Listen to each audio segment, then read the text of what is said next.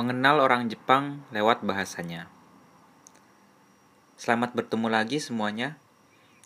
Di sini aku bakal ngebahas isi kepalaku tentang orang Jepang lewat bahasa mereka. Sebenarnya ini tema pidatoku di satu speech contest untuk mahasiswa asing di Shizuoka dan alhamdulillah dengan tema ini aku dapat juara waktu itu. Yay! Hal yang paling menarik dari memahami suatu bahasa, mau itu bahasa asing atau bahasa kita sendiri, adalah kita juga bisa memahami bagaimana cara pengguna bahasa itu berpikir. Bagaimana cara mereka memandang sesuatu.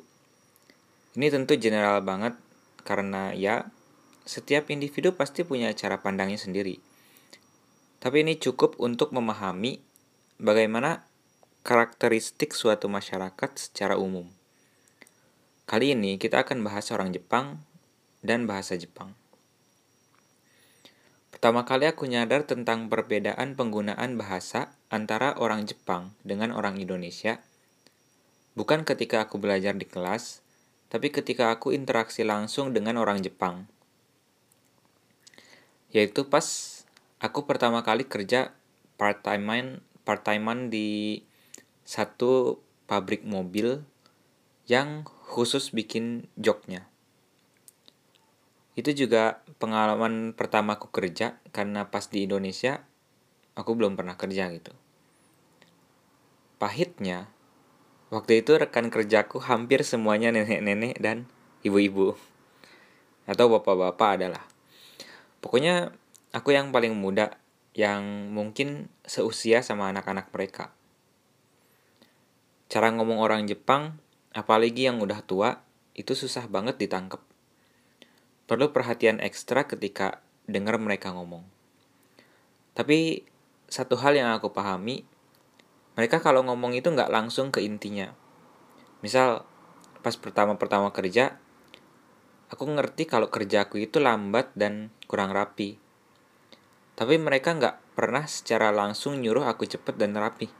Mereka cuma bilang, mo chotto gambatte ne yang artinya kurang lebih yang rajin dikit lagi ya gitu. Yang yang semangat dikit lagi ya gitu. Gitu gitulah maksudnya. Nah orang Jepang itu kalau ngomong memang suka muter-muter gak langsung ke intinya. Bahasa Jepangnya itu istilahnya tomawashi to itu apa ya? To-nya toi itu jauh gitu ya. Mawasi itu muter. Jadi muter jauh. Jadi muter gitu kalau ngomong berharap orang yang diajak ngobrol itu ngerti maksudnya tanpa harus ngungkapin maksud yang sebenarnya. Buatku ini tuh rumit sekaligus menarik sih sebenarnya Makanya kalau ngobrol sama orang Jepang pasti dia bakal denger semua omongan kita dari awal karena mereka terbiasa ngungkapin sesuatu itu nggak secara langsung gitu. Nah, tapi ada hal yang menyebalkan dari kebiasaan mereka ini. Ada istilah lain yang sebutannya itu tatemae. Tatemae ini kebiasaan orang Jepang yang di depan ngomongnya A, padahal keinginan atau maksud dia itu B gitu. Ini nyebelin banget. Maksud mereka sih sebenarnya katanya sih kata orang Jepang biar lawan bicaranya itu nggak tersinggung. Tapi jadi ribet karena sering salah paham gitu. Aku sih sering salah paham gitu karena karena sikap tatemae mereka ini. Ada satu case pas aku pas aku kerja di restoran aku kan harus nganterin pelanggannya itu sampai ke meja gitu. Terus nanya kan di meja, di meja ini bagaimana? gitu. Ya kira-kira gitulah. Terus dia bilangnya iya nggak apa-apa gitu kan. Ya udah kan nggak apa-apa dia bilang. Nggak lama setelahnya dia manggil lagi dan bilang kalau AC di atas meja itu terlalu dingin dan dia minta pindah ke meja lain. Kebilang meja lain itu masih penuh. Ya adalah uh, satu gitu kalau nggak salah yang yang apa itu namanya aiteru apa yang kosong gitu. Tapi bukan kosong sih harus dibersihin dulu gitu. Harus dibersihin dulu. Jadi aku bilang yang lain masih penuh gitu kan. Uh, karena dia bilang AC-nya terlalu dingin ya aku bilang juga sebagai gantinya ya aku naikin suhu AC-nya gitu. Eh habis itu dia malah manggil pelayan lain dan entah bilang apa mereka mereka. Akhirnya dia pindah meja sesuai keinginan dia. Pas aku tanya katanya dia nggak suka duduk di dekat jendela.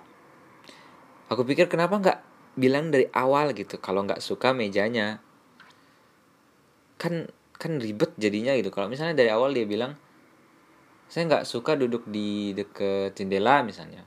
Aku kan langsung lari aku langsung beresin meja yang yang harus diberesin gitu. Buat dia khusus karena permintaan dia kayak gitu kan cepet gitu. Nggak nggak ribet gitu.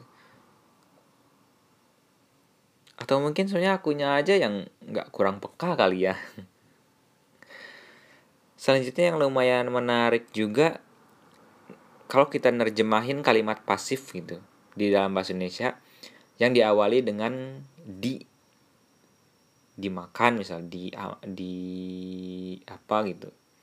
Itu selalu ada dua ungkapan yang berbeda. Misalnya misalnya tadi dimakan gitu. Bahasa Jepangnya ada dua taberareta sama tabete morata perbedaannya kalau taberareta ungkapan yang pertama itu di dalamnya ada perasaan dicuri atau diambil secara paksa atau tanpa sepengetahuan kita gitu. Ungkapan yang kedua, tabete morata, itu sebaliknya. Ada perasaan syukur di dalamnya. Artinya kejadian itu sesuai dengan yang kita inginkan agak bingung bingung mungkin kalau misalnya kalian nggak ngerti bahasa Jepang gitu. Tapi intinya di bahasa Jepang perasaan kita itu masuk ke dalam ungkapan bahasa gitu. Atau kalau dibalik satu ungkapan di dalam bahasa Jepang itu mengandung bukan cuma arti tapi juga perasaan si pembicara. Jadi praktis sih sebenarnya. Satu lagi apa ya? Ah ya tentang label open atau close di pintu masuk toko. Bahasa Indonesia sama dengan bahasa Inggris yang dipakai buka tutup. Kalau orang Jepang beda. Yang dipakai itu eigyochu yang secara bahasa artinya bisnis sedang berjalan. Dan kalau tutup yang dipakai junbichu artinya sedang dipersiapkan. Kata buka tutup gitu ya, buka tutup. Kalau diterjemahin gitu aja jadinya kaiteng untuk buka dan heiteng untuk tutup. Tapi itu cuma dipakai ketika tokonya itu baru hari pertama buka atau pas kita buka toko baru dan ketika toko kita bangkrut atau ya tutup selamanya gitu jadi apa ya paham nggak gimana pola pikir orang Jepang tentang bisnis gitu? Apa ya dari dari dari ungkapan itu aja aku sih mikirnya orang Jepang itu apa ya bisnis itu proses gitu. Maksudnya nggak nggak bisa dibuka dan ditutup dalam satu hari gitu. Jadi apa ya Makanya ungkapan yang dipakai itu bukan buka, tutup, tapi bisnis sedang berlangsung sama apa itu namanya? Uh, sedang dipersiapkan.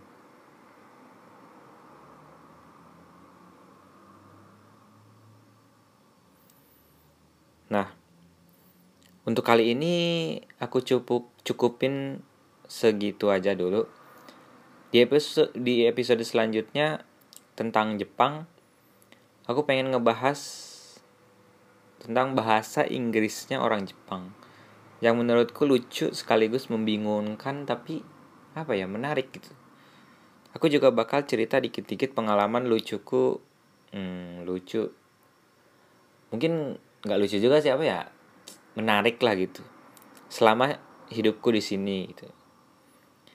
Itu aja sampai berjumpa lagi makasih udah dengerin